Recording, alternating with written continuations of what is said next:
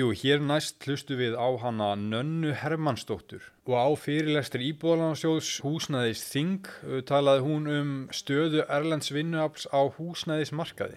Gjör þessu vel. Ég ætla að reyna að gera mjög langa sögu stutta en ég vann sér þetta rannsókn í sumar fyrir ASI um reynslu erlendstarfsfólk á íslensku vinnumarkaði og það voru mjög sláandi niðurstöður varðandi reynslu þeirra af húsnæðismál. Það er þannig að margir atvinnureikandur í sérstaklega ferðarbransunum og byggingaðinæði útvega húsnæði fyrir starfsfólki sitt og það hljómar náttúrulega mjög næs að koma til Íslands og, og hérna, þurfu ekki að pæli í, í húsnæði en þetta er nú ekki alveg svo einfalt. Það er hægt að skipta þessu upp í að húsnæði sé frítt eða hluti á starfskjörum eða leiga sem er greitt í til uh, atvinnureikunda.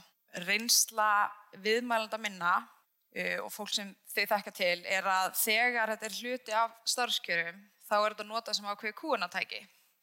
Ef að starfsmæður allar að kvarta vegna brots á einhverjum kjærasamlingsbundnum réttundum eins og bara lámastaksta eða hvað sem það nú er þá fáum við bara svarið að þau bara vera þakklátt hvort þau veit ekki hvernig húsnæðismarkaðurinn sé á Íslandi og fólki viðkvæmri stöðu þorir ekki að fara lengra með málun sín. Gefast bara upp af óta við að missa húsnæði sitt. Svo eru sumstar svo kallar sjálfbóðalegar það er það fólk sem fær borgað bara með húsnæði og mat það er mjög erfitt að sjá að þetta jafngildi launum mánaðalaunum einstaklings og svo hefur þetta náttúrulega miklu viðtakari áhrif af því að þetta dregur úr kostnæði fyrir fyrirtækið, skekkir samkjörnuna á, á markanum og, og dregur skattíkjum þannig að þetta hefur áhrif á svo miklu fleiri heldur en bara þessa einstaklinga e, þó að bytni harðast á stafsfólkinu. Þetta hefur áhrif á fyrirtæki í, samkjörni og bara almenning. Þegar starfsmenn svo borga leigu þá er kjör virðast vera yfirleitt ákveðin í ráðningasamningi. En ASI gaf út skýrslu í sumar sem að sýnir að þessi ráðningasamningar eru yfirleitt ekkert til staðar sem þýðir þá að starfsmenn vita ekki hvað eru að borga fyrir og hafa aldrei samþekkt það og þetta er mjög óerugt umhverfi af því þau geta aldrei e, syngt fram að, að þau eigi að hafa þetta húsnæði sem þýðir að ef við sagt upp þá er þau bara sparkað á göduna. Tveir af viðmælundum mínum kom með dæmi um hvað þau var að borga fyrir húsnæði. Og það er annars vegar einstaklingur sem deildi herbergi með 6 manns og borgaði 90 krónur á mánuði. Hins vegar einstaklingur sem deildi íbúð með 15 manns og borgaði 75 krónur á mánuði. Ef maður markfaldar þetta upp með öllum einstaklingunum þá fáum við tölur sem eru heldur sláandi og okkur ættu öllum að vera að ljósta 1,1 miljón á mánuði fyrir íbúð með einu klósetti getur ekki talist eðlilegt. Þetta eru einstaklingar sem eru í mjög viðkvæmnu stöðu og eiga allt undir atunreikandarum. Þau hafa yfirleitt ekkert bakland og ef við missa húsnæði þá geta enda á gödunni. Það er ekkert bara heim til mömmu og pappa að gista á sófanum. Þau geta jafnvel ekki átt efni á flugmiða heim og það eru til dæmi um það að e, þessir einstaklingar séu komnir í skuld við atvinnureikundur og þá til að mynda vegna húsnæðis. Samkvæmt einum af viðmælundum mínum þá fyrir þetta bara versnandi með hverju árinu. Atvinnureikundur treysta meira og meira á það að starfsmenn kvart ekki og hann bætir svo við að þeir sem kvarta, þeir geta búist við uppsökn. Lausnir, uh, lausnirna sem ég laði fram í skýrstunum minni uh, beinast kannski frekar að svona, hvað að kalla, formlegri brotum, brotum á kjærasamningum. Það er alveg spurning hvort að þetta sé, tæknilega séð eitthvað ólöglegt.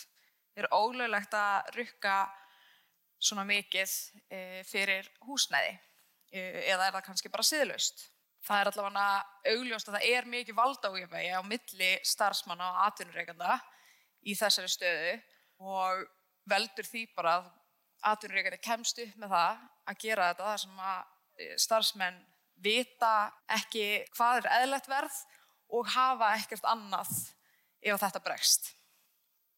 Svona til að koma með eitt jákvægt inn í þetta þá langaðum að segja ykkur frá dæmi sem ég heyrði í sumar sem er sagt, fyrirtæki sem gerir leigusamning við starfsmenn sína sem virkar þannig að starfsmenn á meðan þeir eru í vinnu borga uh, rétt undir markasverði svo þegar þau annarkvort segja upp eða er sagt upp þá hafa þau einhver tíma minnir að það hafa verið þrýr mánuðir til þess að finna sér nýtt húsnæði en á sama tíma hækkar leigan upp í markasverð og af því sem ég hef heyrt þá er þetta til dæla góð laust þetta þýðir að atvinnreikandi er ekki niðurgræða húsnæði fyrir fólk sem vinnur ekki lengur hjá þeim en starfsmenn þurfa ekki eiga hættu að missa allt Svo ef að þið hafið eitthvað frekar áhuga þessu þá er hægt að finna skýrsluna inn á heimasíðu ASI og svo er öllum velkomið að hafa samband við mig ef það er eitthvað. Takk fyrir. Jú, þarna rætti Nanna Hermannsdóttir um uh, stöðu Erlends starfsfólks á leikumarkanum og hér í áleitskjafahornið eru komin Helga Vala Helgadóttir, þingmaður samfélkingarinnar og Björn Arnar Magnússon hjá Brynju leigufélagi. Þetta voru ansið sláandi niðurstöður sem hann komið fram. Já, ég hérna, hef nú unnið áðurinn í settist á þing töluvert með erlendum uh, já, íbúum landsins og þetta kom mér ekkert óvart. Maður hefur eirt margar jafn svakalegri og jafnvel svakalegri sugur. Þetta eru nokkur skona vistabönd sem að þessir einstaklingar búa við. Og er ekkert að gerast í þessum málum?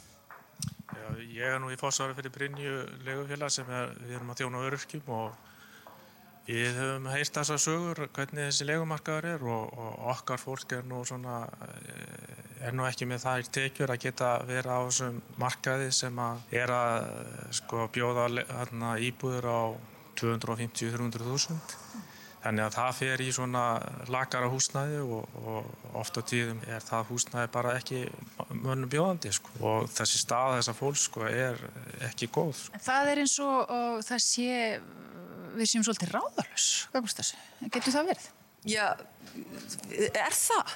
Já, ef við horfum á allavega þessa erlendu einstaklinga sem að, sem að Nanna var að tala um, að þá uh, þurfa þeir að skila inn uh, húsnæðisvottorði til þess að fá útgifið dvalarleif á Íslandi.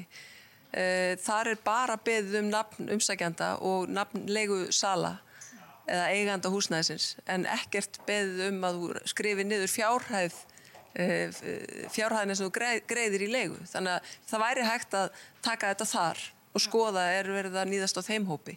En þegar kemur aðauðvita uh, leigunni almennt og, og, og, og leigumarkaði þá er, finnst mér mjög hryggilegt að sjá að 35% þeirra sem er á leigumarkaði upplifa sig ekki með húsnæðis öryggi og þetta veldur auðvitað mjög mikill í vannlíðan ekki síst hjá, hjá badnafólki sem að, sem að hugsa bara um, um hvernig það á að tryggja að börnin þeirra lendi ekki á götunni 35% ég finnst það mjög hátt hlutvall. Já, það kom hérna fram hjá Þóru Margreði áðan að staðan væri að, að skána þá hún væri auðvitað ennþá mjög slæm. Eru til dæmis uh, langir bygglistra í ykkur? Það við erum með 600 massa bygglista og, og hérna, við lokuðum fyrir bygglista fyrir ári síðan þar sem við gátum ekkert verið að gefa fólki vonir um húsnæði næstu 5-6 árin þannig að okkur, við döldum betra að loka listanum og vinna hann niður sem við höfum núna í dag en það sem að vantar inn á markaði í dag er að það þarf að koma meiri húsnæðstöningu til þeirra sem eru lagsettir í, í samfélaginu. Þessi legsta tíund, hún er alveg glimt mm -hmm. og það verðist að stjórnvöld hafa bara glimt þessum hópi. Þannig er hann meira að tala um næstu tíundina fyrir ofan og, og tjóna þeim meira en, en legsta tíundin hefur algjörlega glimst. Já. Takk kella fyrir þetta, Helga Vala Helgadóttir og eh, Björn Arnar Magnússon. Takk. 450 fastegnarsala kynir fastegna spjallið. Spjalláttur það sem farðir yfir allt sem tengist kaupum og sölu fastegna og hvað fælst í því að eiga og reka fastegn. Fylgstu með alla sunnudaga. Nánari upplýsingar á 450.is